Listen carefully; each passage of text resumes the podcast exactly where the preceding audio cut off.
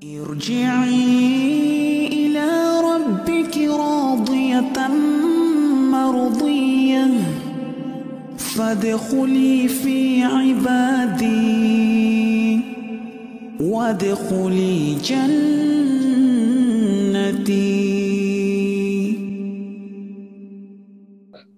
kajian sahabat Nurmanis pada sore hari ini yang insya membahas tentang uh, siapa wali hakim.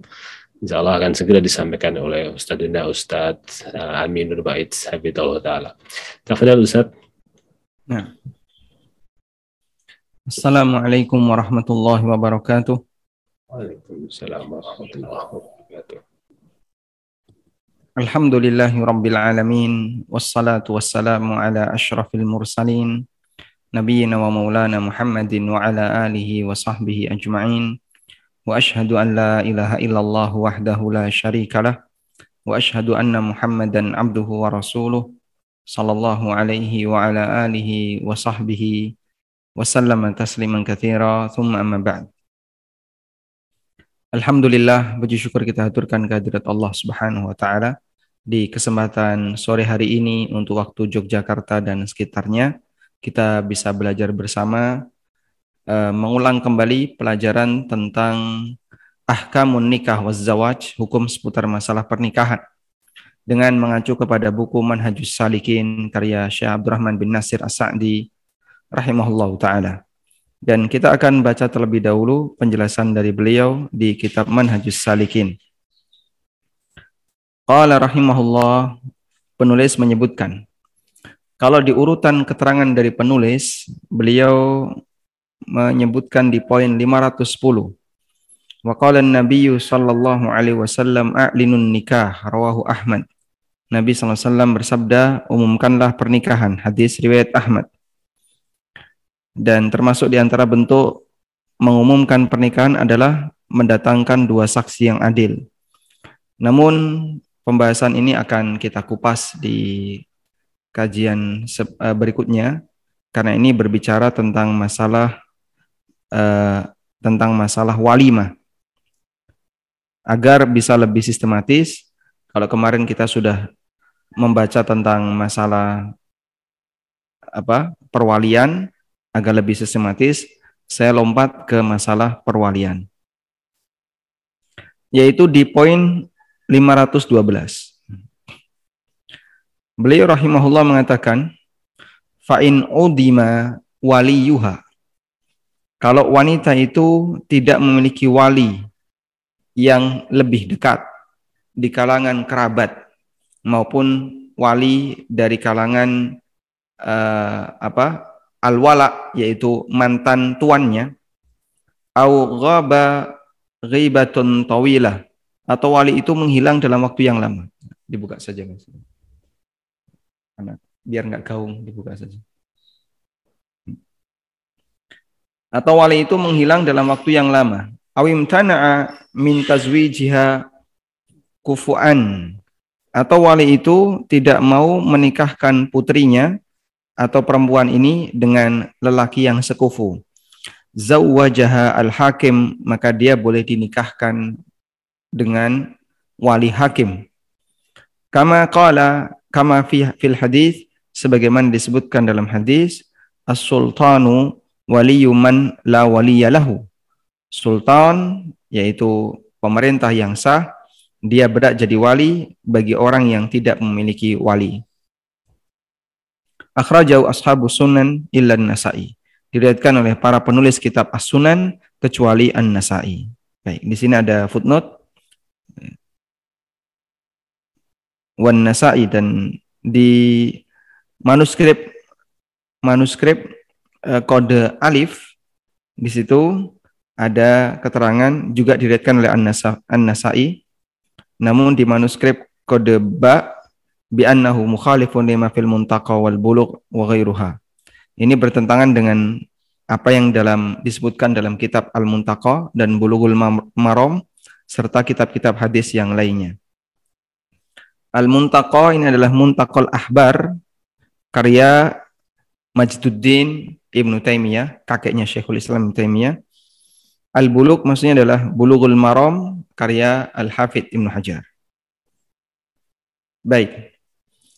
Hadis ini sahih diriwayatkan oleh Ashabus Sunan. Ashabus Sunan ada empat ya. Sunan, An-Nasai, Abu Dawud, Tirmidzi, dan Ibnu Majah. Tapi dalam hal ini An-Nasai tidak meriwayatkan sehingga tinggal tiga. Abu Dawud, Tirmidzi, dan Ibnu Majah. Baik. Bapak Ibu yang dimakan Allah Subhanahu wa taala, kita akan berbicara tentang orang yang tidak memiliki wali di karangan keluarganya sehingga yang berat jadi wali berikutnya adalah hakim. Tentang masalah hak perwalian. Para ulama menyebutkan urutan urutan hak perwalian. Urutan perwalian adalah taqaddumul wilayatu al-qarabah summal wala summal imamah. Urutan hak perwalian.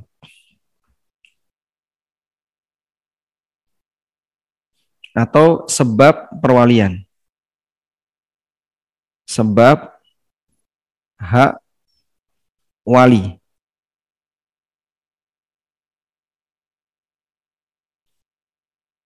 Apa sebab orang bisa menjadi wali? Ada tiga. Ada tiga sebab. Yang pertama adalah karena memiliki hubungan kekerabatan.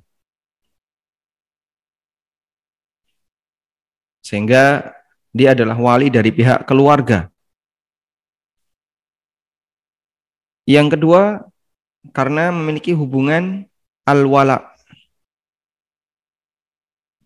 Yaitu orang yang memerdekakan, orang yang membebaskan budak. Yang ketiga, karena al-imamah.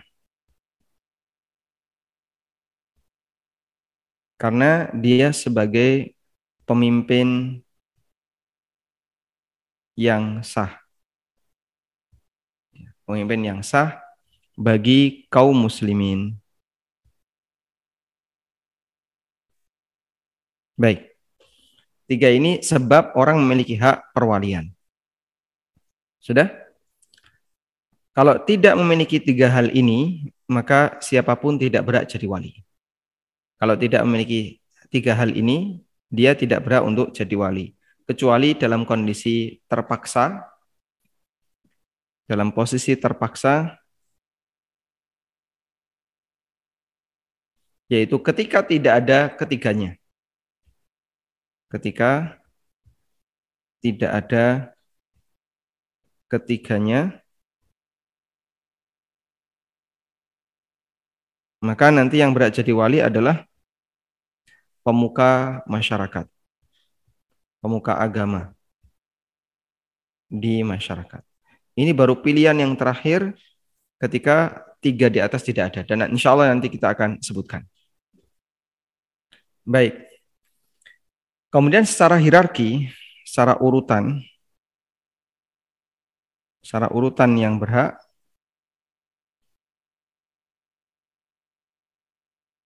secara hierarki urutan yang berhak adalah tadi ya, kerabat, nomor satu kerabat,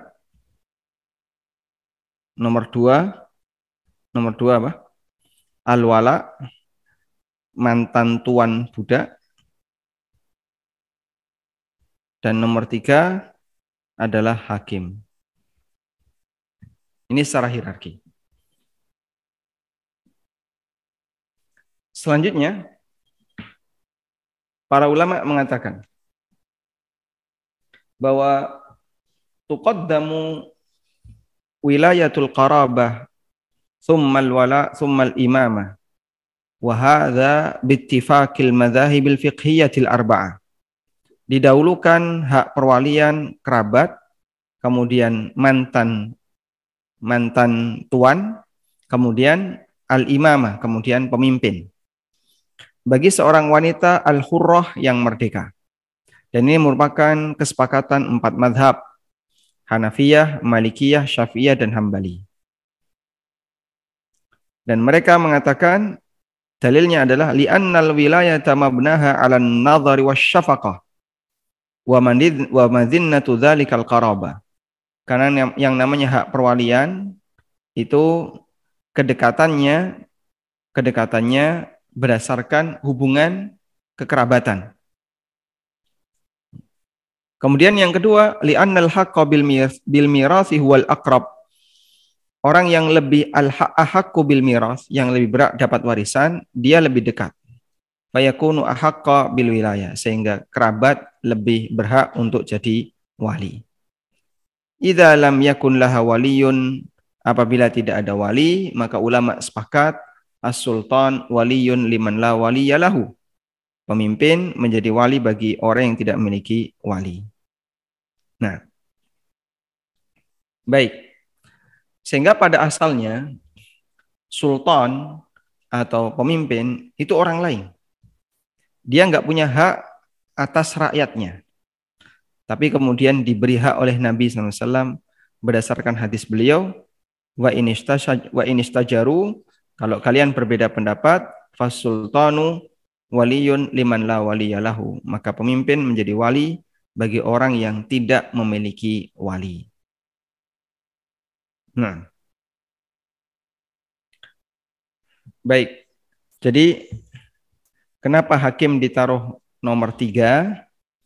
Karena dua yang pertama ini paling berhak sebab ini berkaitan dengan keberhakan warisan. Dua yang pertama didahulukan berkaitan dengan apa tadi? Keberhakan warisan. Kerabat lebih berhak dalam masalah warisan. Kalau budak, mantan budak nggak punya kerabat, maka mantan tuan lebih berat dapat warisan. Baru ketika dua ini tidak ada, lari ke hakim. Nah, berikutnya kita akan bahas tentang wali hakim.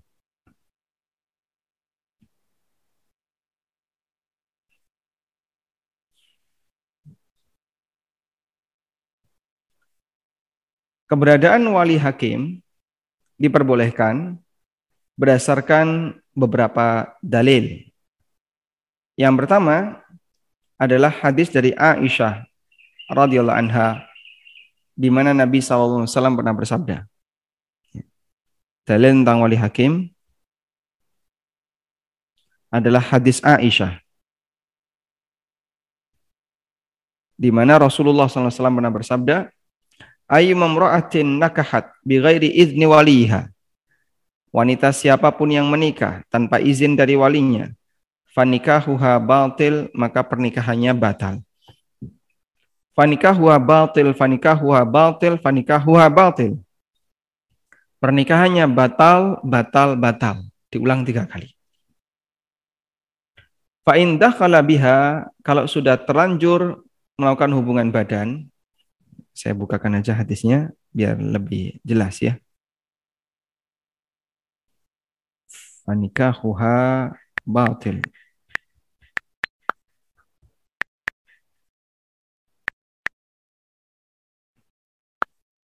Rasulullah Sallallahu Alaihi Wasallam pernah menyebutkan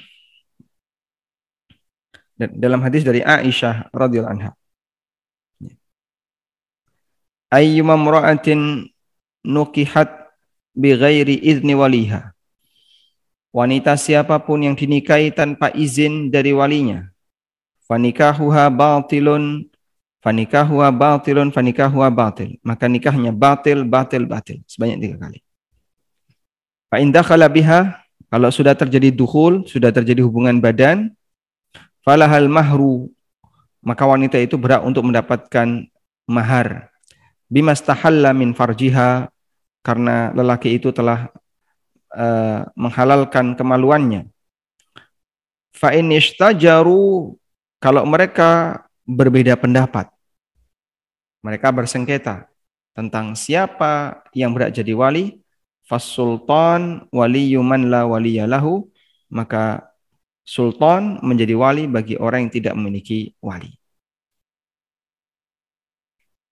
Maka hadis ini dalil ala annal mar'ata idza adimat waliyan bahwa wanita ketika dia tidak punya wali maka walinya adalah sultan. Dan ini juga berdasarkan ijma para ulama. Ini juga berdasarkan ijma para ulama. Kemudian dalil yang kedua adalah hadis dari Sahal bin Sa'ad As-Sa'idi radhiyallahu anhu. Rasulullah sallallahu alaihi wasallam pernah kedatangan seorang wanita. Hadis yang sangat ma'ruf ya. Ja'at imra'atun ila Rasulillah SAW. Datang seorang wanita kepada Rasulullah sallallahu alaihi wasallam. Faqalat lalu wanita ini mengatakan, "Inni wahabtu min nafsi." Aku hibahkan diriku untuk Anda. Dan ini khusus untuk Nabi SAW. Selain Nabi SAW tidak boleh. Wanita datang ke Rasulullah SAW menghibahkan dirinya. Dan kalau Nabi SAW menerimanya, maka wanita ini jadi pasangan hidup beliau, jadi istri beliau tanpa wali. Karena Nabi SAW adalah wali bagi seluruh umatnya. Faqamat tawila, lalu wanita ini berdiri dalam waktu yang lama dilihatin oleh Nabi SAW. Jadi beliau nazar wanita itu, sementara beliau tidak ada ketertarikan. Faqala rajulun, lalu ada seseorang yang mengatakan, Zawwijniha, nikahkan aku ya Rasulullah dengan wanita ini. Nabi SAW kan bukan keluarganya, tapi beliau diminta untuk menikahkan dengan wanita ini. Ini bapaknya ke mana, keluarganya ke mana? Nabi SAW tidak tanya. Zawwijniha illam takun laka hajat. Nikahkan aku dengan dia ya Rasulullah jika anda tidak punya keinginan untuk menikah dengannya. Qala hal indaka min syai'in tusdiquha? Kau punya sesuatu yang bisa dijadikan mahar? Qala ma indi illa izari. Aku nggak punya apa pun selain kain ini yang saya gunakan untuk sarungan. Faqala kemudian Nabi SAW mengatakan, In a'taitaha iyahu jalastala izaralaka. Kalau kau kasihkan kain ini, nanti kau nggak berpakaian. Faltamis syai'an. Coba cari yang lain. Faqala ma ajidu syai'an. Aku nggak punya apa pun. Faqala kemudian Nabi SAW tetap meminta iltamis walu khataman min hadid. Cari meskipun hanya sebutir uh, cincin besi. Falam yajid ternyata beliau tidak jumpai. Faqala amma aka minal qur'ani syai' Kamu punya hafalan Quran? Qala na'am suratu kada wa suratu kada. Li suwarin sammaha. Saya punya hafalan surat ini, surat ini. Dia menyebut beberapa surat. Faqala qad zawwajnakaha bima ma'aka minal Qur'an. Aku nikahkan kamu dengan Al-Qur'an yang kau miliki. Dan ini sudah pernah kita bahas ya terkait hadis masalah mahar. Dari hadis tadi, dalil yang kedua adalah hadis ya Pak? Hadis Sahal bin Sa'ad Dari hadis ini Nabi SAW jadi wali Nabi Sallallahu Alaihi Wasallam jadi wali bagi wanita yang datang kepada beliau.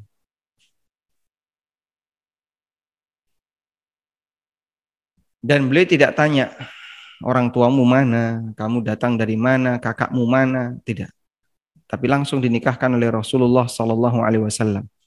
Karena dalam hal ini Rasulullah SAW berhak untuk menikahkan orang meskipun tidak ada hubungan kekerabatan apa pun dengan beliau, sebab beliau adalah nabi yang lebih bagi dibandingkan siapa pun.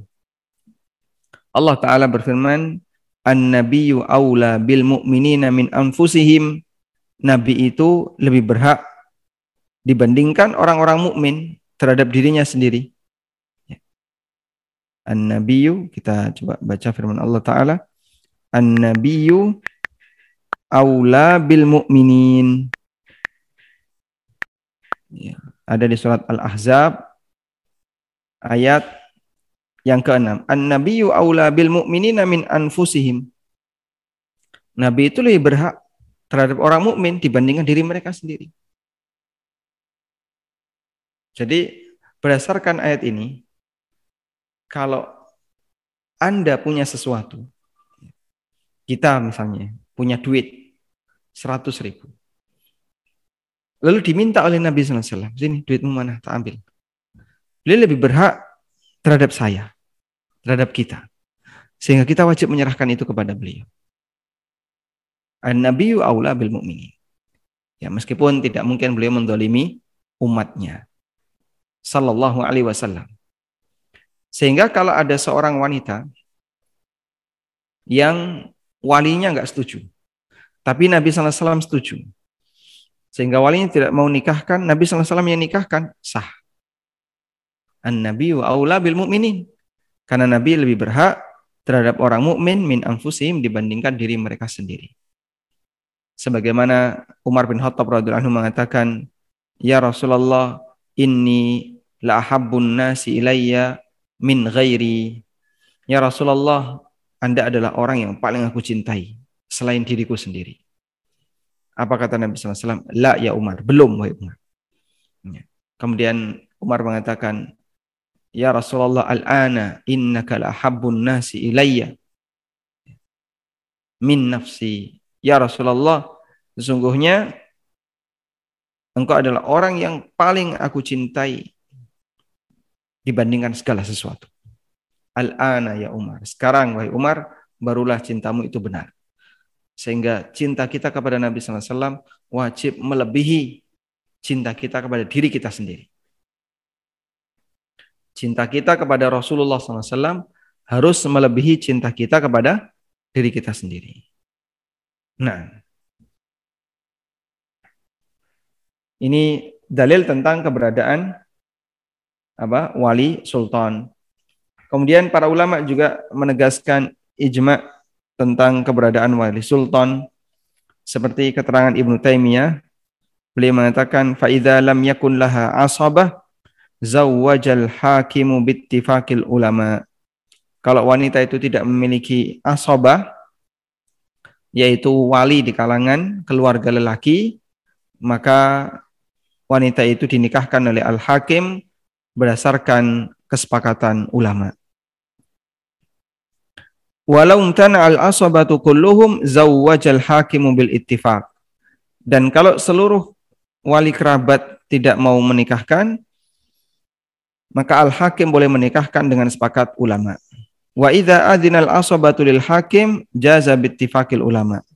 Demikian pula ketika wali kerabat membolehkan bagi hakim, maka hakim boleh menikahkan wanita itu dengan sepakat ulama. Masya Allah. Di sini ada tiga kesepakatan ulama yang disebutkan oleh Syekhul Islam terkait keberhakan hakim.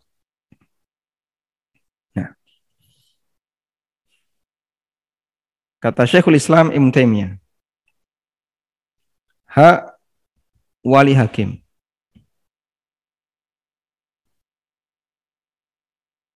Mengacu kepada keterangan Syekhul Islam Ibnu Taimiyah.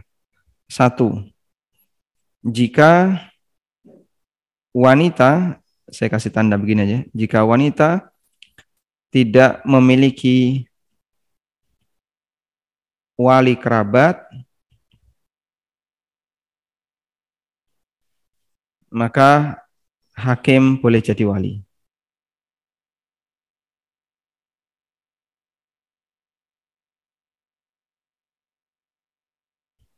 Hak wali hakim berdasarkan ijma ulama. Ada tiga tadi ya.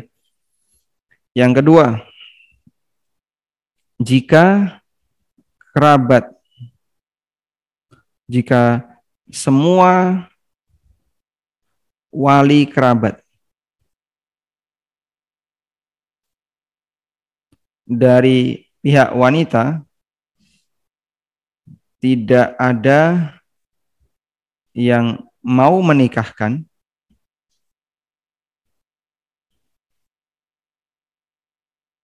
maka hakim boleh jadi wali.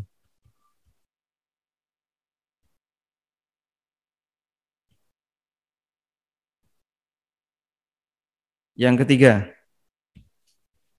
jika semua wali kerabat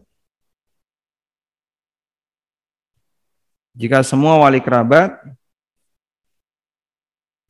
dari pihak wanita memberi izin memberi izin kepada hakim untuk jadi wali maka hukumnya boleh jadi wali. Baik. Tiga ini berdasarkan kesepakatan ulama, hak wali hakim berdasarkan ijma ulama. Yang pertama, jika wanita tidak memiliki wali kerabat, maka hakim boleh jadi wali dengan sepakat ulama. Yang kedua, jika semua wali kerabat dari pihak wanita tidak ada yang mau menikahkan, maka hakim boleh jadi wali dengan sepakat ulama. Yang ketiga, jika semua wali kerabat dari wanita memberi izin kepada hakim untuk jadi wali, maka dia boleh jadi wali. Baik. Semoga bisa dipahami. Nah, selanjutnya siapakah wali hakim itu? Siapakah hakim? Atau syarat untuk bisa disebut wali hakim? Yang pertama, dia adalah pemerintah yang sah.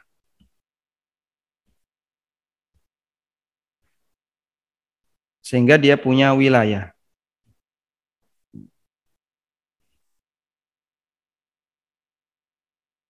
Dah?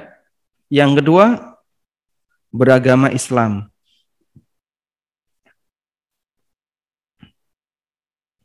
Kalau non-muslim tidak boleh jadi wali bagi muslimah non muslim tidak boleh jadi wali bagi muslimah.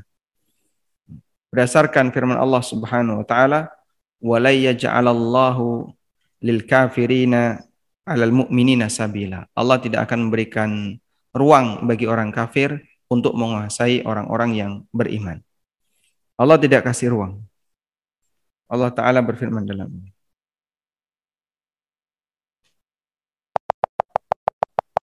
Walai yaj'alallahu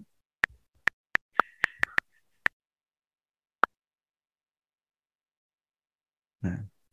Allah berfirman di bagian akhir dari ayat 441.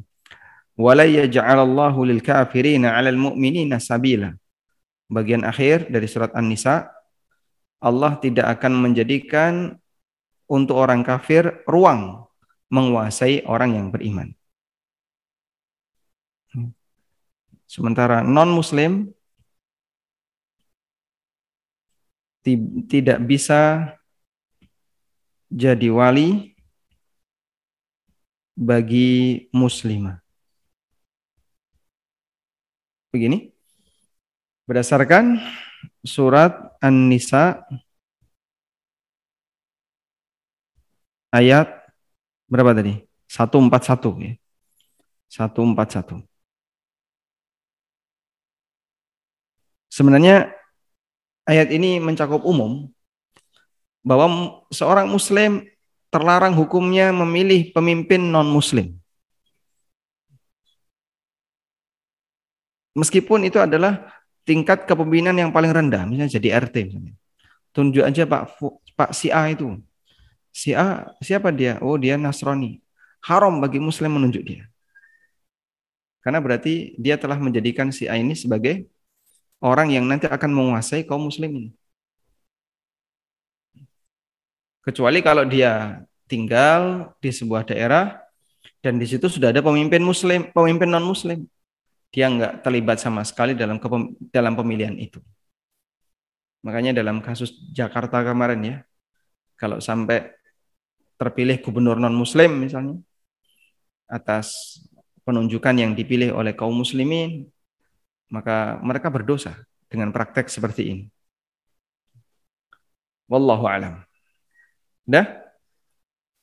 Sehingga wali hakim adalah pemerintah yang sah. Artinya dia memiliki wilayah, yang kedua dia beragama Islam.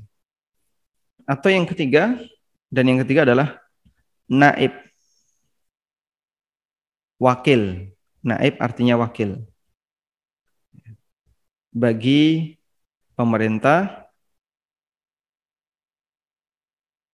dalam urusan tersebut. bahasa kita ya KUA karena ini sudah ditunjuk oleh pemerintah yang sah untuk urusan terkait masalah uh, pernikahan. Meskipun setahu kami KUA itu umum ya, sehingga di situ ada agama-agama yang lain juga berkantor di kantor KUA. Walhamdulillahirabbil alamin. Selanjutnya kita berbicara tentang kita akan membahas tentang wanita yang tinggal di negeri non muslim. Ya, ada kasus wanita yang tinggal di negeri di negeri kafir kita sih. Di negeri minoritas. Pemimpinnya non muslim. Dia tinggal di negeri non muslim. Sehingga tidak dijumpai pemimpin yang muslim. Pemerintah yang sah non muslim. Syarat yang kedua nggak dipenuhi. Ada pemerintah sah, tapi syarat yang kedua tidak dipenuhi. Apa yang harus dilakukan? Beberapa fatwa yang disampaikan oleh para ulama di posisi ini maka dia harus dinikahkan oleh markas islami.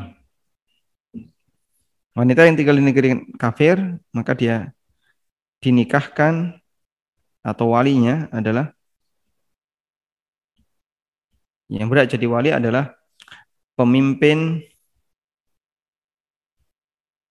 pemimpin apa itu markas atau Islamic Center gitu ya.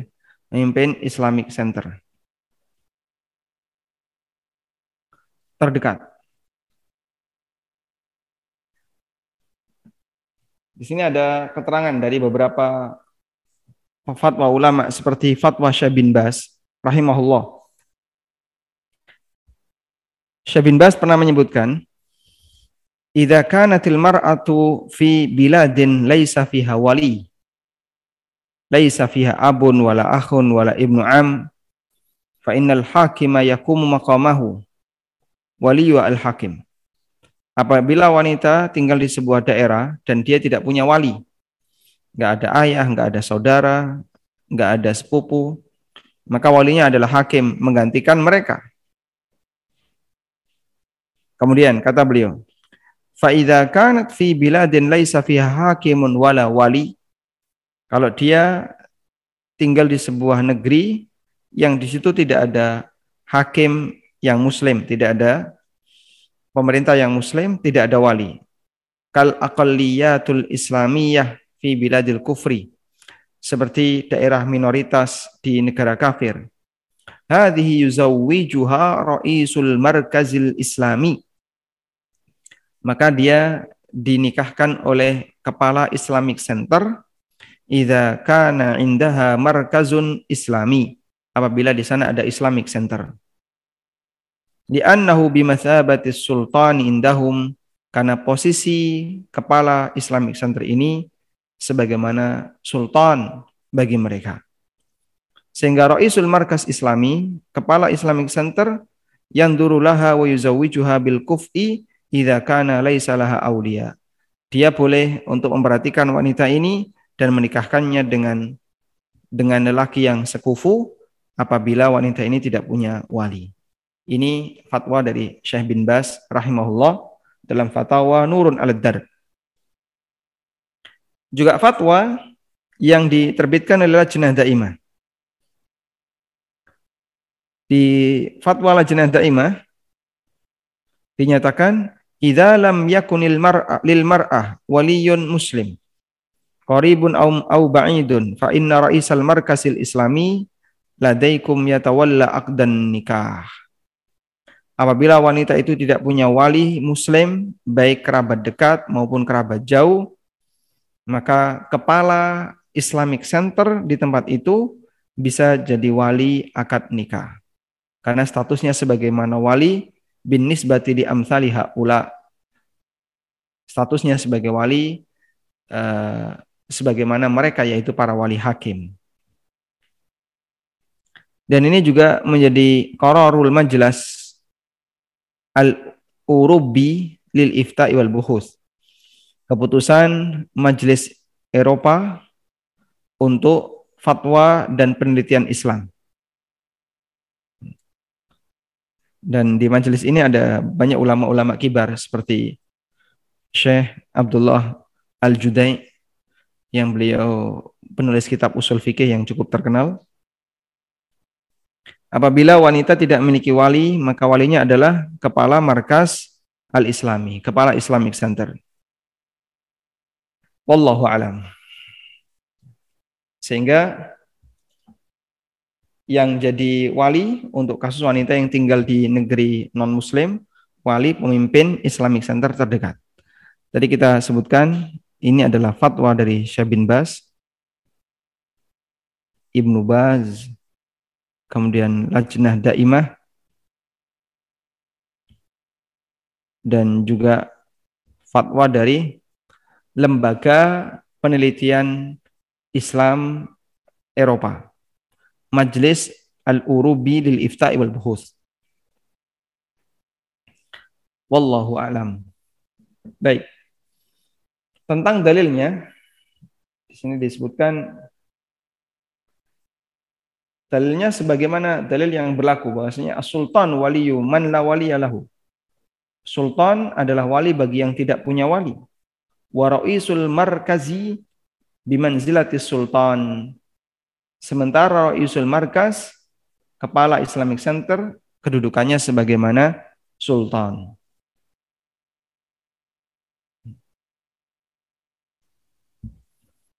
Jadi ini alasanlah Jenazah Imah, kepala Islamic Center kedudukannya sebagaimana pemimpin yang sah. Wallahu a'lam. Nah. Jadi di sini alasannya kepala Islamic Center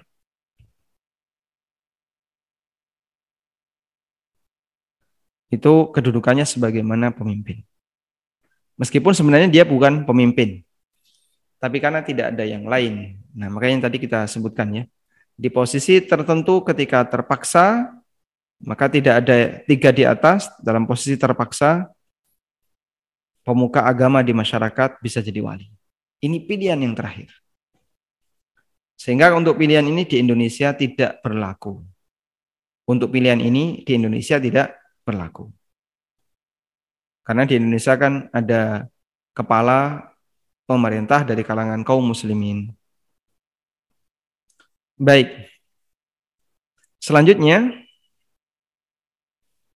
kita akan membahas tentang wali akbal. Kasus wali a'dhal.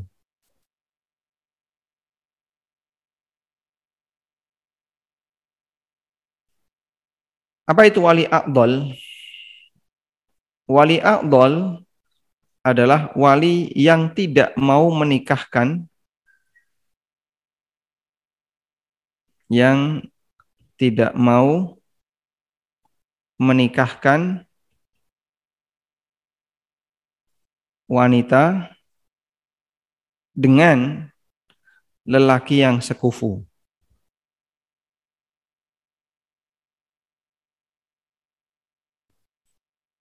Jadi ada wali yang sah, tapi wali ini tidak mau menikahkan wanita tersebut dengan lelaki yang sekufu. Ini disebut dengan wali Abdul. Dulu ada seorang sahabat yang menikah dengan adiknya sahabat. Sahabat A menikah dengan adiknya sahabat B. Yang jadi wali kakaknya. Ya. Sudah? Setelah sahabat ini menikah, ternyata uh, adiknya ini dicerai. Adiknya dicerai, kemudian dia menjalani masa iddah. Selama masa iddah ternyata nggak dirujuk-rujuk sampai akhirnya selesai masa iddah. Kemudian mereka pisah. Lalu wanita tadi balik ke rumah kakaknya, si B. Ya, balik ke rumah kakaknya si B sehingga dia karena apa? tempat yang bisa dipakai untuk berlindung ya adalah kakaknya, dia balik ke rumah kakaknya si B. Kemudian ternyata si A pengen rujuk, pengen balik lagi. untuk menikahi adiknya si B tadi. Tapi karena masa idahnya sudah selesai, berarti harus terjadi akad nikah ulang. Nah, si B ini emosi. Enak saja kau permainkan adikku. Padahal sebenarnya si wanita ini sudah senang ya. Si wanita ini sudah senang, sudah mau pengen balik lagi ke suami pertamanya. Tapi oleh B, karena B sudah terlanjur emosi, dia nggak mau. Sampai akhirnya Allah Subhanahu wa taala turunkan firman-Nya. Ada di surat Al-Baqarah fala ta'duluhunna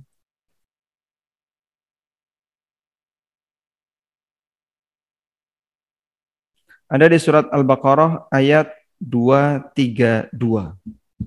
Coba kita lihat surat Al-Baqarah ayat 232.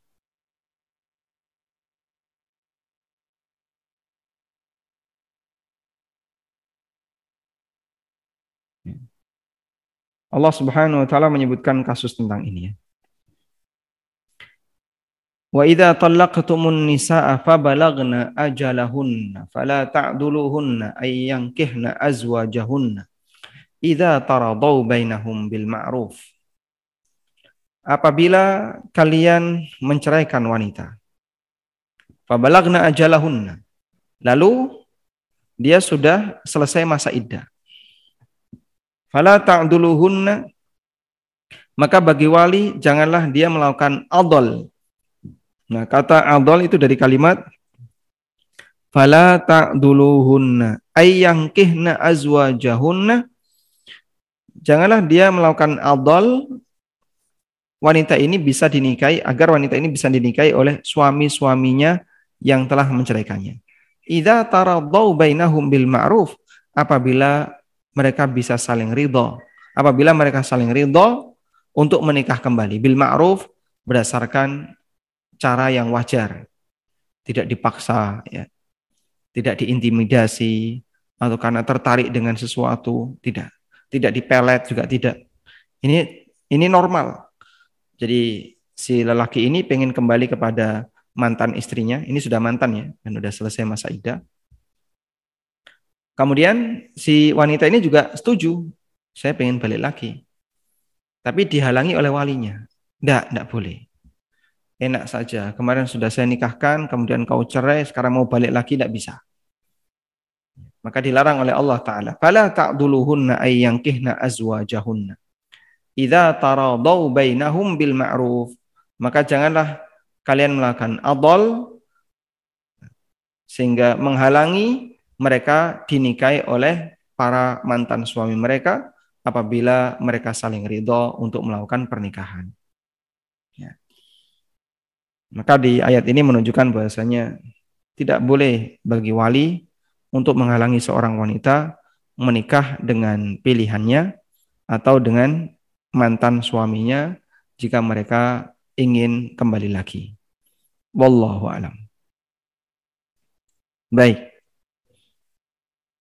Dan di Indonesia itu ada pasal wali adol.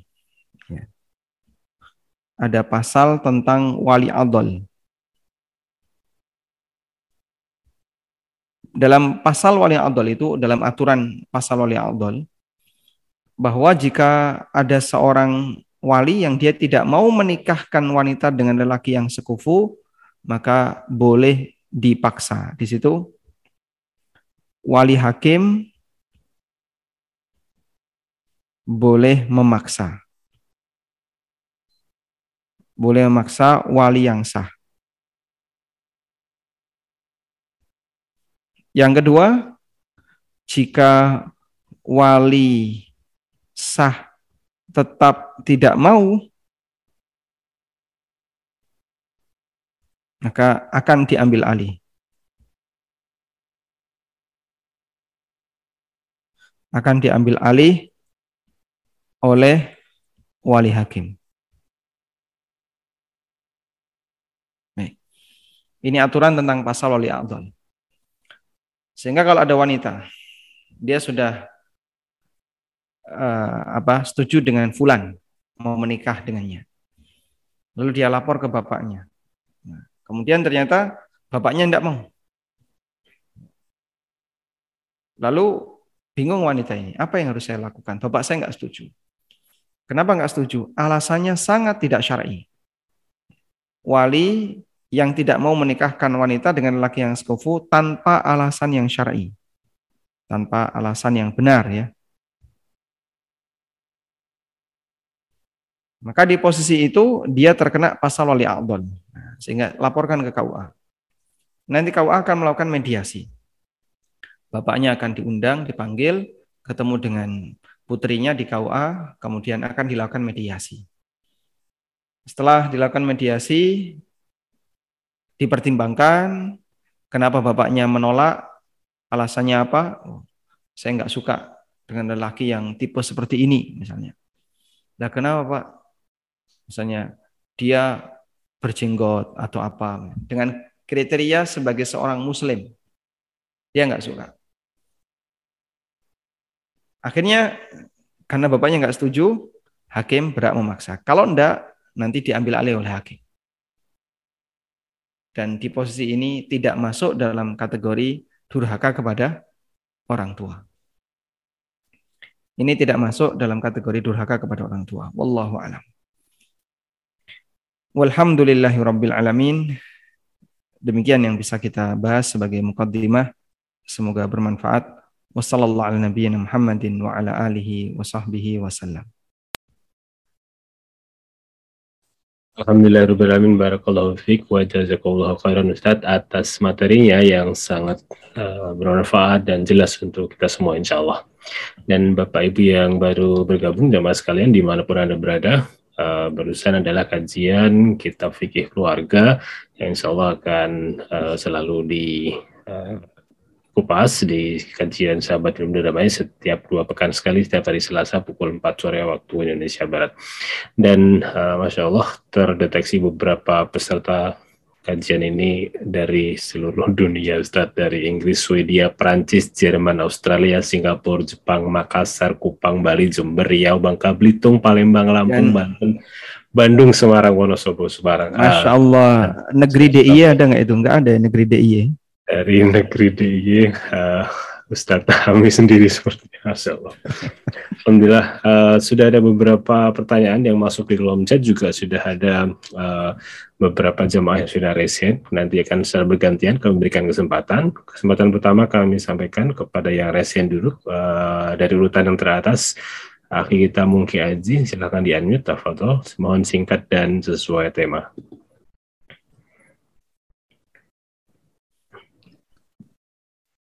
Assalamualaikum warahmatullahi wabarakatuh.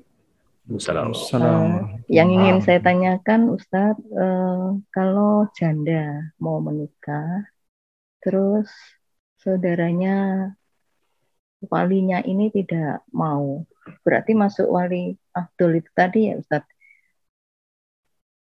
Terus apakah wali hakim ini harus orang yang kita kenal atau dari KUA itu sudah cukup untuk melakukannya. Demikian Ustaz, terima kasih. Wassalamualaikum warahmatullahi wabarakatuh. Waalaikumsalam warahmatullahi wabarakatuh. Baik. Apabila ada seorang janda yang dia mau menikah tapi kakaknya sebagai wali yang sah tidak mau menikahkan, apakah ini yang masuk dalam kategori wali abdul? Jawabannya, jika sang kakak tidak punya alasan yang kuat untuk menolak pernikahan ini, apa sebabnya kau tidak mau menikahkan? Lelaki ini non-muslim, nah itu punya alasan kuat. Lelaki ini misalnya punya pemikiran menyimpang, dia orang syiah. Ini juga alasan yang kuat. Oh lelaki ini khawarij, dan seterusnya. Lelaki ini tidak sholat. Kalau berdasarkan alasan yang kuat, boleh. Tapi kalau tidak ada alasan yang kuat, maka hukum asalnya dia tidak boleh menolak. Kalau tetap menolak, maka bisa dilaporkan ke KUA dan nanti KUA yang akan menyelesaikan. Lalu bagaimana prosedurnya? Ya, diikuti saja sesuai dengan prosedur yang berlaku di KUA. Nah, kemudian apakah syarat wali hakim harus orang yang kita kenal? Jawabannya tidak, bukan syarat. Siapa sih pegawai KUA yang kita kenal? sedikit sekali. Karena kita memang jarang main ke KUA. Kalau kita terlalu sering main ke KUA nanti malah dicurigai ya. Ini kok bolak-balik ke KUA ngapain? Kita mengenal orang KUA itu kan kalau dia datang waktu ada akad nikah. Sementara urusan seperti ini jarang kita bersinggungan. Sehingga kadang kita baru kenal saat dia datang atau saat kita pendaftaran. Wallahu a'lam. Baik Ustaz atas jawabannya. Alhamdulillah insya Allah jelas dan bisa dipahami oleh kita semua dan juga penanya pada khususnya. Selanjutnya masih ke jemaah yang sudah resen, kami persilakan Umu Uwas Tafadol untuk di-unmute. Mohon singkat dan sesuai tema.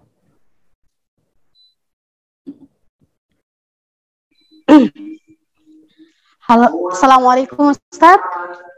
Waalaikumsalam warahmatullahi Uh, Afan Ustaz yang ada ingin tanya, yang ada ingin tanyakan. Halo. Silakan. Ini Bu. Halo. Silakan, jelas. Uh, Ust- uh, Ustaz ini kalau uh, kalau misalkan seorang istri sudah berpisah, sudah cerai resmi, uh, apakah mereka mereka boleh rujuk kembali tanpa ada dulu yang menikah gitu di antara salah satunya? Apa-apa aja Ustaz. syarat rukunnya Ust- Ustadz untuk kembali lagi? Syukron Ustadz. Assalamualaikum warahmatullahi wabarakatuh. Sudah selesai masa idah belum? Waalaikumsalam warahmatullahi wabarakatuh. Baik. Apabila ada seorang suami istri yang ada suami istri yang sudah berpisah lalu mereka sudah selesai masa iddah, maka nanti mereka tidak boleh tinggal di satu tempat yang sama. Suami harus tinggal di tempat suami, istri tinggal di tempat istri. Terus kalau mereka mau kembali lagi, jika masa idahnya belum selesai, jika masa idahnya belum selesai, rujuk bisa dilakukan tanpa harus ada akad nikah. Sehingga langsung rujuk gitu aja. Suami tinggal bilang, aku rujuk kepada kamu. Selesai, sudah jadi suami istri lagi. Tinggal dilanjut aja.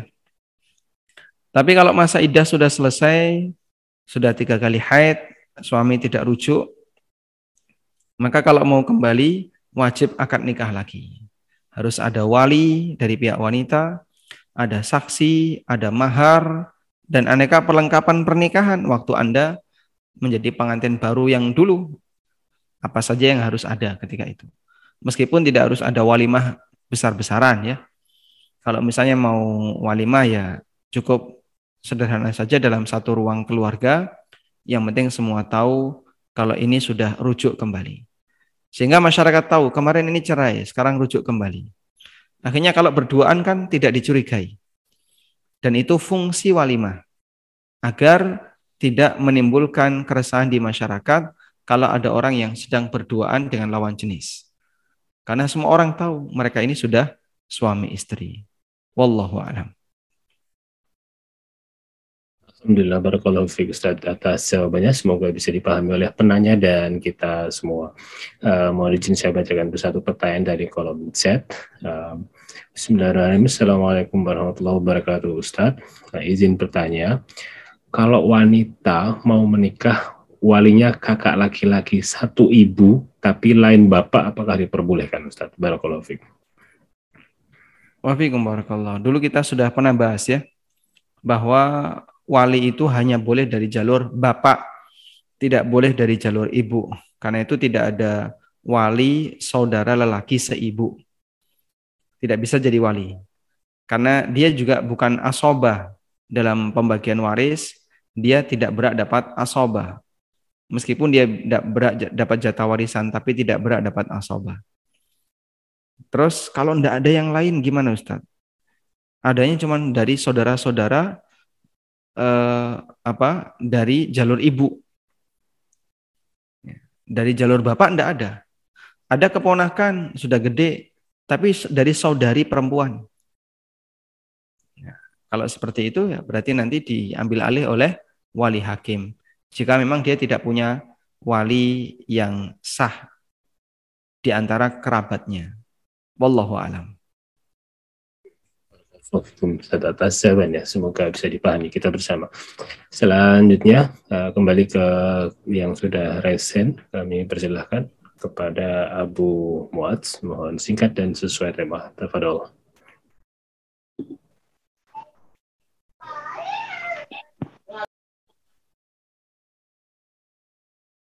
Silakan Abu Muad. Di unmute. Assalamualaikum. Warahmatullahi Waalaikumsalam warahmatullahi uh, Anda mau nanya uh, terkait dengan ini ada kasus itu orang tuanya uh, tidak merestui uh, dan itu sebetulnya orang yang paham dengan agama gitu. Ya sebut sebagai kiai itu. Terus uh, anak, anak wanitanya itu jadi dibawa jauh dari rumah orang tuanya. Katanya itu sekitar berapa ratus kilometer maka boleh tanpa wali. Jadi di situ tanpa persetujuan wali sama sekali gitu. Itu apakah sah gitu? Jazakallah khair. Jadi ini wali ayahnya jauh dari anak tersebut? Dijauhkan. Maksudnya dia apa uh, si laki-lakinya itu menjauhkan anaknya dari orang tuanya sejauh-jauhnya gitu. Sekiranya bisa uh, karena alasan jarak gitu sehingga boleh tanpa wali gitu itu apakah Ini boleh? permainan permainan pengantin lelaki. Iya. Begitu tat jarak berapapun selama memang betul tadi ada keterangan ya atau ghaba ghaibatan tawilah. Jika walinya itu menghilang dalam waktu yang lama sekali maka nanti boleh pakai wali hakim. Ini kan enggak Walinya ada, tidak hilang. Malah dia yang menghilangkan diri ya. Menghilangkan pengantin perempuan. iya Dan jarak segitu ya tetap masih aja bisa berhubungan untuk zaman sekarang ya. Masih sangat mudah menempuh jarak. Anggaplah misalnya dari Anyer sampai Panarukan atau dari Sabang sampai Merauke misalnya. Mereka kan tetap saja masih bisa menjalin hubungan, dan untuk ketemu itu tidak rumit. Hanya dalam waktu dua hari mereka bisa ketemu. Tetap dalam hal ini wali yang sah lebih berhak. Karena itu jika dia lakukan ini dalam rangka untuk mengelaba, mengelabui sehingga bisa pakai wali hakim maka hakim berhak untuk tidak merestui pernikahannya. Dan nikahnya jadi batal apabila diwalikan oleh orang yang tidak berhak. Wallahu alam Alhamdulillah barakallahu fiik atas jawabannya dan uh, kita kembali ke yang sudah raise hand. Insya Allah masih ada waktu. Uh, kami persilakan dulu Ukti atau Aki ini Il Siti Zulaiha dari Jerman tertulisnya. Silahkan di unmute. Mohon menggunakan bahasa Indonesia. Silahkan di unmute. Ya. Halo, salam, uh, assalamualaikum Ustaz. Waalaikumsalam warahmatullahi Ya, uh, ini ada beberapa pertanyaan. Satu mengenai wali itu sendiri, apabila memang sudah sejalur uh, dari bapak, tapi uh, malah berebutan gitu. Jadi walinya bapak meninggal, misalnya kakak laki-laki atau paman dari bapak yang didahulukan jadi wali. Kemudian kedua mengenai uh, jarak uh, itu. Coba tadi, diulang bu, coba diulang tadi kakak laki-laki. Jadi misalnya uh, bapaknya sudah meninggal, tapi yang mau hmm. menjadi wa, apa uh, wali hakim uh, walinya itu malah berebutan gitu, Ustadz. Saya aja yang jadi walinya, saya aja jadi walinya gitu. Misalnya uh, kak, uh, kakak laki-laki atau paman yang didahulukan menjadi. Oh, antara kakak sama paman ya? Ya. Ya. Kemudian kedua masalah jarak tadi misalnya yang di Jerman uh, menikah tapi or orang tua masih ada tapi uh, satu karena corona ini misalnya tidak bisa datang ke Jerman untuk menikahkan anaknya atau karena kondisi keuangan gitu Ustadz. Uh, tidak bisa datang ke Jerman uh, uh, untuk menikahkan anaknya. Jadi apakah kondisi jarak itu memungkinkan dengan wali hakim? Terima kasih Ustadz. Nah sekarang saya bacakan siapa yang lebih berhak untuk jadi wali ketika dalam kerabat itu ada beberapa orang selain bapak ya. Jadi memang ada khilaf di antara para ulama tentang siapa yang lebih berat jadi wali ketika bapak tidak ada. Nah, kemudian di sini ada al-qadrul muttafaq alaih. poin yang disepakati oleh empat madhab. Poin yang disepakati oleh empat madhab tentang urutan wali. Bisa dicatat kalau mau nyatet. Yang pertama adalah bapak. Di bawah bapak, saudara lelaki. Di bawah saudara lelaki, keponakan dari saudara lelaki. Di bawahnya itu baru paman dari bapak. Kemudian sepupu dari bapak. Sepupu dari paman dari bapak. Ya. Paham di sini ya? Saya urutkan bapak, terus saudara, kemudian keponakan dari saudara lelaki, baru kemudian lari ke paman, terus anak paman. Nah, ini urutannya. Sehingga kalau tadi ada uh, rebutan apakah apakah saudara atau paman? Jawabannya saudara lebih berhak daripada paman. Kemudian kalau ada kakek sekarang, kalau ada kakek. Kalau ada kakek, menurut Malikiyah kakek lebih didahulukan daripada ibnul akh, daripada keponakan. Sehingga dalam madhab Malikiyah, dalam madhab Malikiyah, bapak saudara lelaki, kakek, baru keponakan. Sedangkan dalam madhab syafi'iyah, dalam madhab syafi'iyah, anak tidak bisa jadi wali.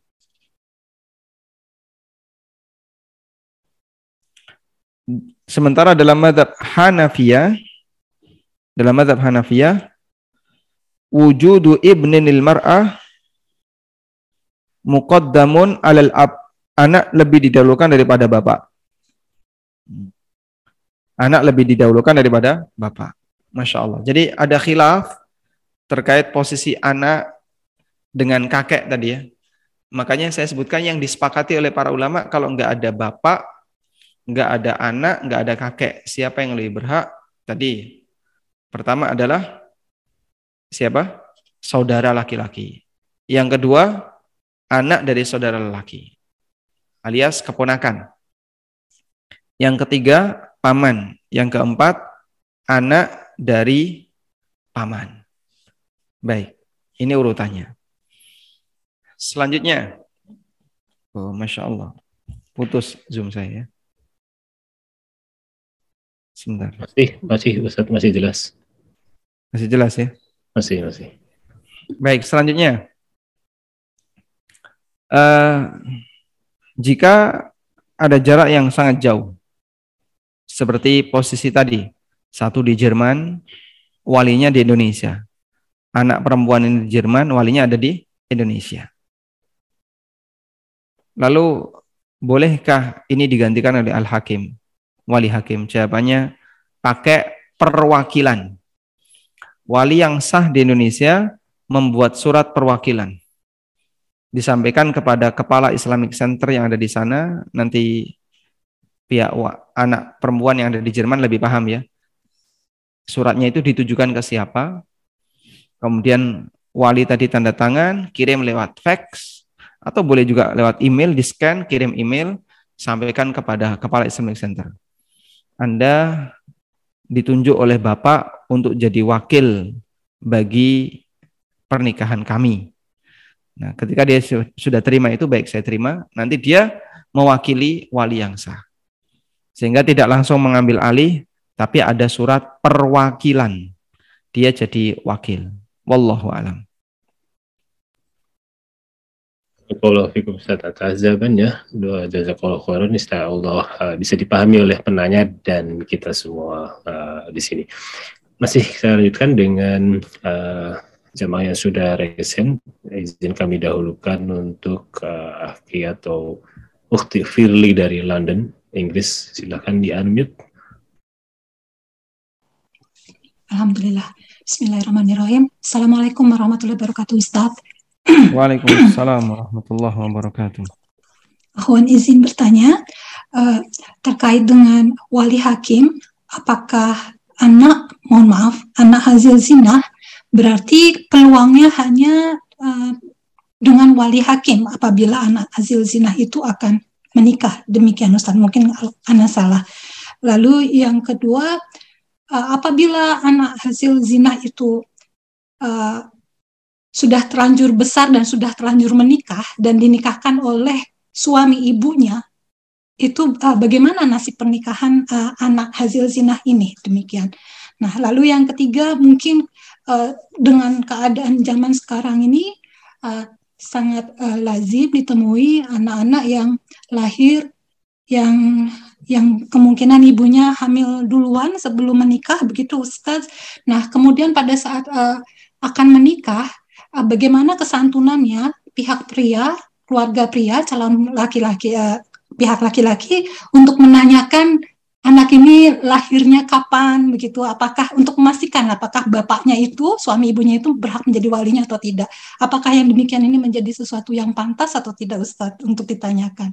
Jazakallah khairan kasiron. Assalamualaikum warahmatullahi wabarakatuh. Waalaikumsalam warahmatullahi wabarakatuh. Kita pernah membahas ini ya jadi pada pertemuan sebelumnya kalau tidak salah. Oh, bahwa nah bahwa anak yang dilahirkan dari hasil zina berarti dia tidak memiliki hubungan nasab dengan bapak biologisnya. Dan sebagai konsekuensinya maka dia tidak punya keluarga dari pihak lelaki.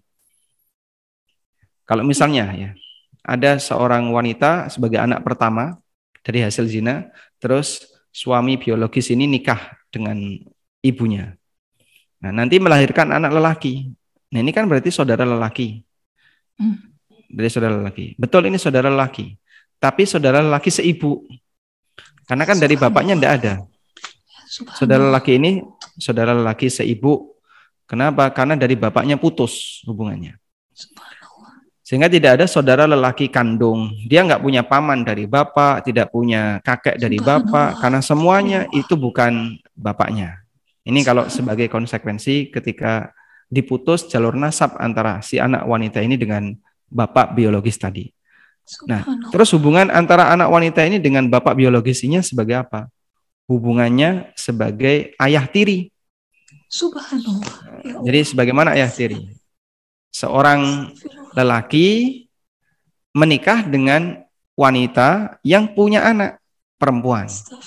Sehingga anak ini, anak wanita ini sebagai robibah ya. Sebagai robibah bagi ayah tirinya dan robibah itu termasuk mahram. Sehingga dia dengan ayah tirinya mahram. Boleh salaman, boleh membuka aurat, sebagaimana dengan ayah tiri yang lain. Dengan bapak biologisnya dia mahram. Nah kemudian karena dia tidak punya wali dari kalangan keluarga lelaki, maka kembali kepada kaidah uh, fasultanu waliyu man la waliyalahu fasultanu waliyu man la waliyalahu. Pemimpin adalah wali bagi yang tidak punya wali.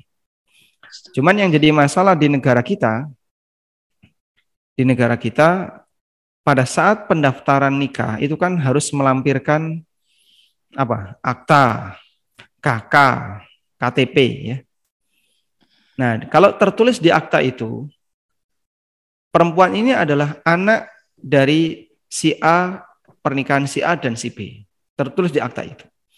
Dan dalam KK juga disebutkan si A sebagai suami, si B sebagai istri, terus nama Fulanah sebagai anak perempuan, lahir tahun sekian.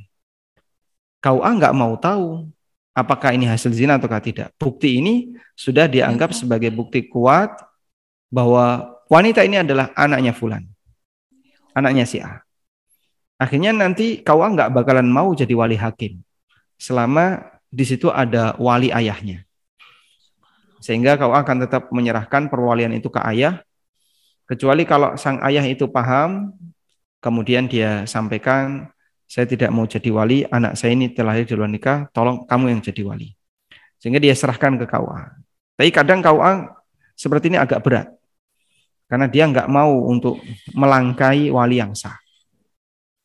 Nah, bagi ayah biologis yang dia nggak paham tentang hukum seperti ini, akhirnya diwalikan, dia nikahkan saja dengan wali dirinya. Nah ini jadi jadi masalah ya. Namun kemarin kita juga membahas tentang hukum istilhaq al-walad ya. Istilhaqul walad itu menjadikan seseorang sebagai anak nasab padahal dia bukan anak nasab. Dan para ulama membolehkan itu sebagaimana ini adalah pendapat Al-Auza'i dan yang lainnya.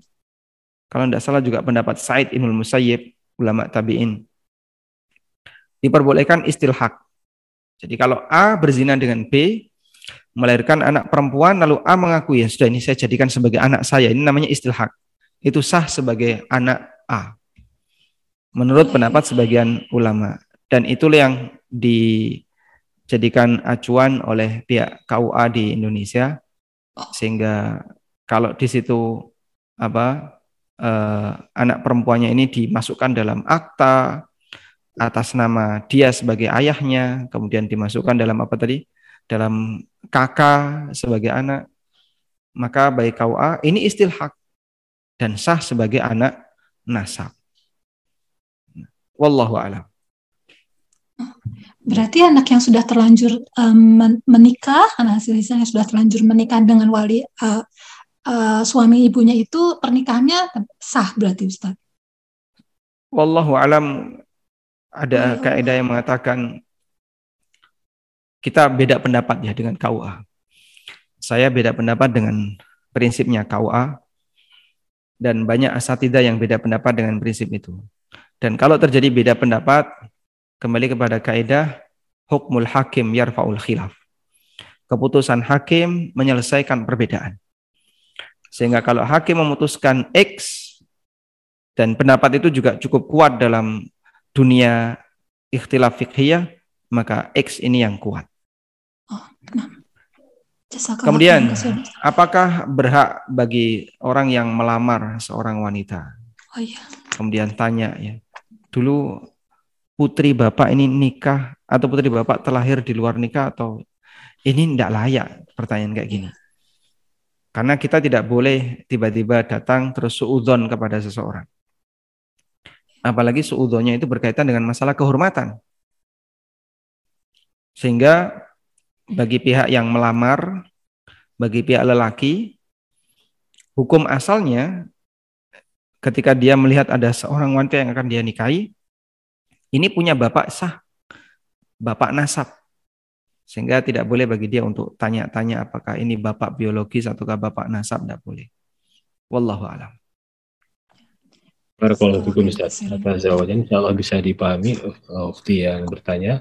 Ya, uh, izin saya lanjutkan ke pertanyaan kembali dulu ke kolom chat.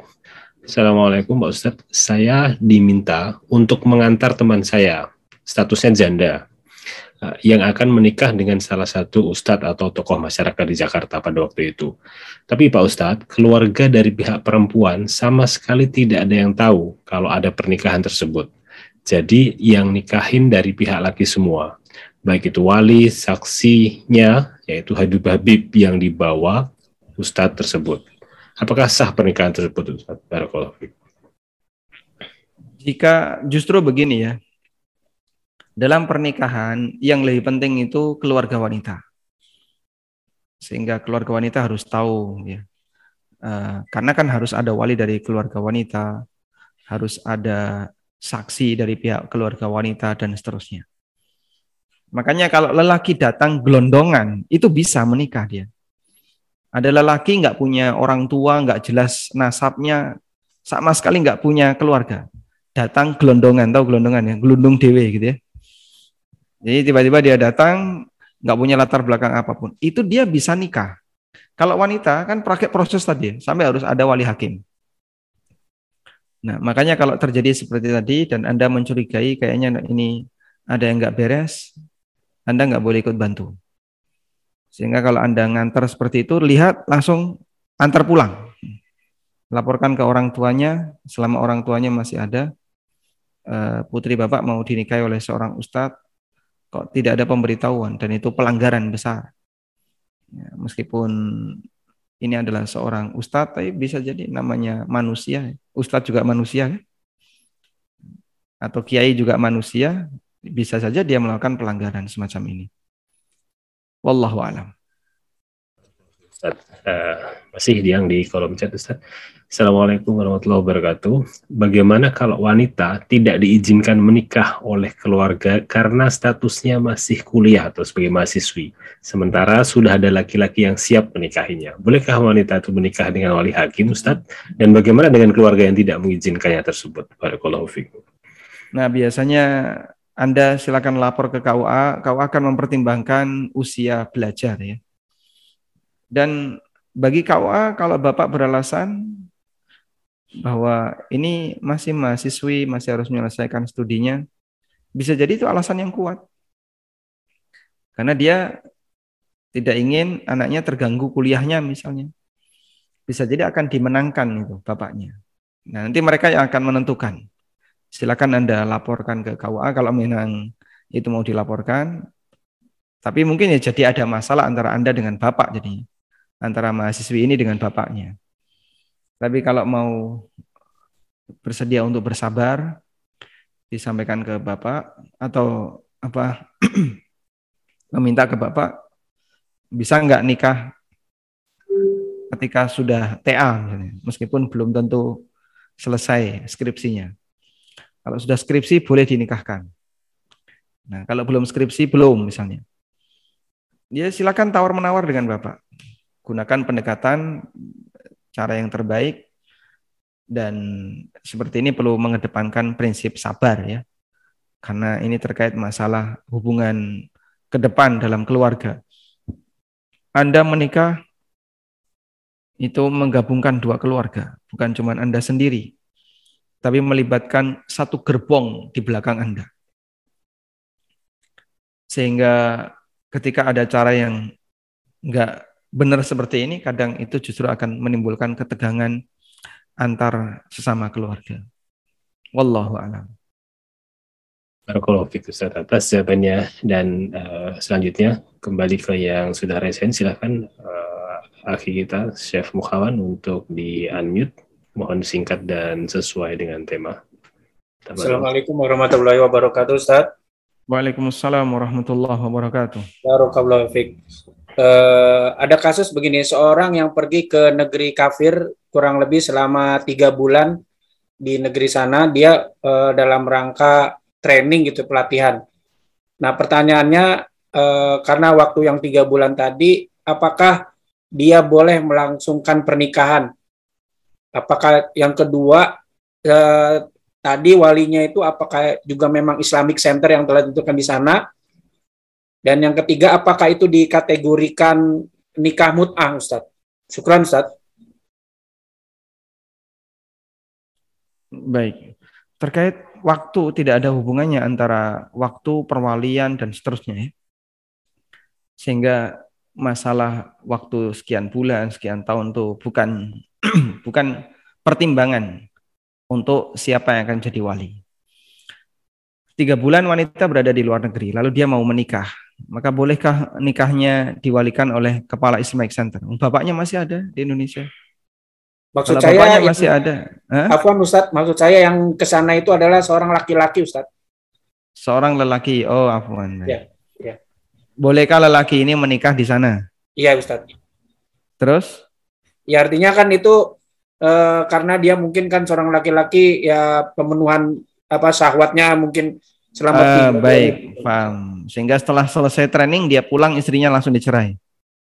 Ya Allah alam seperti itu saat itu iya dia dia punya niat. Ya betul. Jadi hanya selama tiga bulan ini saja saya nikah. Iya. Nanti selesai ya, masa training pisah. Iya Ustaz. Baik. Apakah itu boleh? Nikah yang dibatasi waktu tadi saya ya, nikah dengan kamu dengan wali yang sah misalnya. Anggap ada wali yang sah bukan Islamic Center. Dengan wali yang sah selama tiga bulan. Deal ya deal. Bayarnya berapa tiga bulan? Ini tidak boleh kayak gini. Dan itu nikah mut'ah. Sehingga kalau dibatasi waktu seperti ini namanya nikah mut'ah. Tidak boleh. Wallahu alam. Sebagai solusinya dia bisa menikah di Indonesia, lalu istrinya dibawa ke luar negeri. Nah, itu sebagai solusi sehingga training bersama istrinya. Barakallahu Ustaz atas jawabannya insya Allah bisa dipahami oleh uh, akhi kita yang bertanya. Masih ada waktu Ustaz beberapa pertanyaan untuk di kolom chat. Mungkin uh, pertanyaan terakhir boleh? Baik. Ah, ya.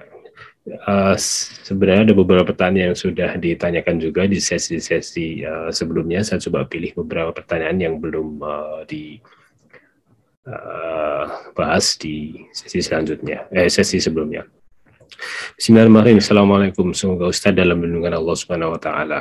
Izin bertanya Ustadz, saya baru sadar ternyata waktu akad nikah 14 tahun yang lalu, suami saya pakai nama bin ayah sambungnya, bukan ayah kandungnya. Di buku nikah pun tertulis bin ayah sambungnya. Itu bagaimana Ustadz? Apakah nikah kami sah? Jazakallahu khairan. Jawabannya Ustadz. Baik, nikahnya sah. Karena lelakinya kan ada di tempat ya. Dan dia menyatakan saya, berarti kan dia. Masalah salah nyebut nama dan seterusnya itu tidak mempengaruhi keabsahan karena kan dia bertindak sebagai dirinya sendiri bukan wakil orang lain. Sehingga kalau kalimatnya dipanggil misalnya saudara siapa namanya? Uh, saudara A bin B. Padahal sebenarnya dia bin C, saudara A bin B. Tapi saudara A bin B itu di depannya. Lalu dia kan jawab, iya saya. Iya saya, bukan dia baik itu orang yang saya wakilkan. Kan dia nggak ngomong kayak gitu. Iya saya, berarti memang orang ini. Saya nikahkan saudara dengan putri saya yang bernama XYZ ya, dengan mahar sekian. Lalu dia bilang, saya terima nikahnya XYZ untuk diri saya sendiri. Kalimatnya masih seperti itu, untuk diri saya sendiri. Berarti kan tidak mungkin ada orang apa meleset ke orang lain tidak mungkin. Ketika sudah muayyan, sudah tertentu, nggak mungkin meleset ke orang lain, maka salah nyebut nama itu uh, tidak mempengaruhi. Salah nyebut nama tidak mempengaruhi. Karena sudah muayyan, sudah tertentu yang bisa mempengaruhi salah nyebut nama itu ketika gara-gara salah nyebut nama meleset ke yang lain. Ya, masih ada kemungkinan-kemungkinan yang lain. Misalnya si A punya dua anak perempuan. Yang satu namanya Ani, yang satu namanya Ina. Misalnya. Terus dia, padahal yang mau dinikahkan Ani aku nikahkan kamu dengan putri saya yang bernama Ina. Hmm. Jadi keterucuk dia, ngomongnya Ina. Maka ini pernikahan yang diulang. Oh bukan, maksud saya Ani. Hmm. Diulang lagi. Karena tadi nyebutnya Ina, padahal yang dia nikahkan namanya Ani. Akhirnya dikoreksi, oh, Pak, Pak, Ina Pak, bukan Ani. Kemudian dia ulang lagi. Karena yang tadi salah nama dan dua-duanya putrinya. Tapi kalau dia hanya punya satu anak perempuan, namanya Ani, tidak ada yang lain. Saya nikahkan Anda dengan putri saya yang bernama Ina. Salah di situ, meskipun salah di sini, karena dia anaknya yang sudah jelas, insya Allah sah. Karena dia bilang putri saya. Nah putri saya cuma satu ini, yaitu si Ani, tidak ada yang lain. Kekeliruan di sini tidak mempengaruhi keabsahan. Andai kan dia nggak nyebut nama saja, nggak nyebut nama itu boleh. Saya nikahkan kamu dengan putri saya. Baik, saya terima nikahnya. Sudah selesai. Putrinya yang mana Pak? Ya ini tinggal satu ini, yang lain tidak ada. Dia cuma punya satu anak perempuan. Saya punya tetangga punya anak perempuan kembar tiga. Dan waktu akad nikah itu dua bareng. Saya jadi saksi rumahnya dengan rumah saya ya kurang lebih 300 meter. Beliau dosen UII. Nah itu sempat kepleset waktu nyebut nama. Jadi pengantin A, pengantin B, ini dengan anak X, ini dengan anak Z. Itu sempat mau ketukar. Jadi hati-hati betul waktu Dia punya anak kembar tiga, perempuan semua. Ya. Nah seperti itu yang sensitif. Karena salah nyebut nama bisa ketukar itu. Harusnya pasangannya A itu X, pasangannya B itu Y, dia bisa ketukar. Akhirnya kemarin sempat mau salah nyebut nama, kemudian diluruskan sama apa ibunya sama teman-teman yang lain yang kenal namanya. Baik, wallahu alam. Insya Allah pernikahannya sah dan tidak perlu ada pengulangan dan Anda tidak perlu was-was seperti ini karena bisa jadi ini diganggu setan agar kemudian menjauhkan Anda dengan suami Anda. Demikian semoga bermanfaat. Wassallallahu ala nabiyyina Muhammadin wa ala alihi wa sahbihi wasallam. Wa akhiru da'wana alhamdulillahi rabbil alamin. Wassalamualaikum warahmatullahi wabarakatuh.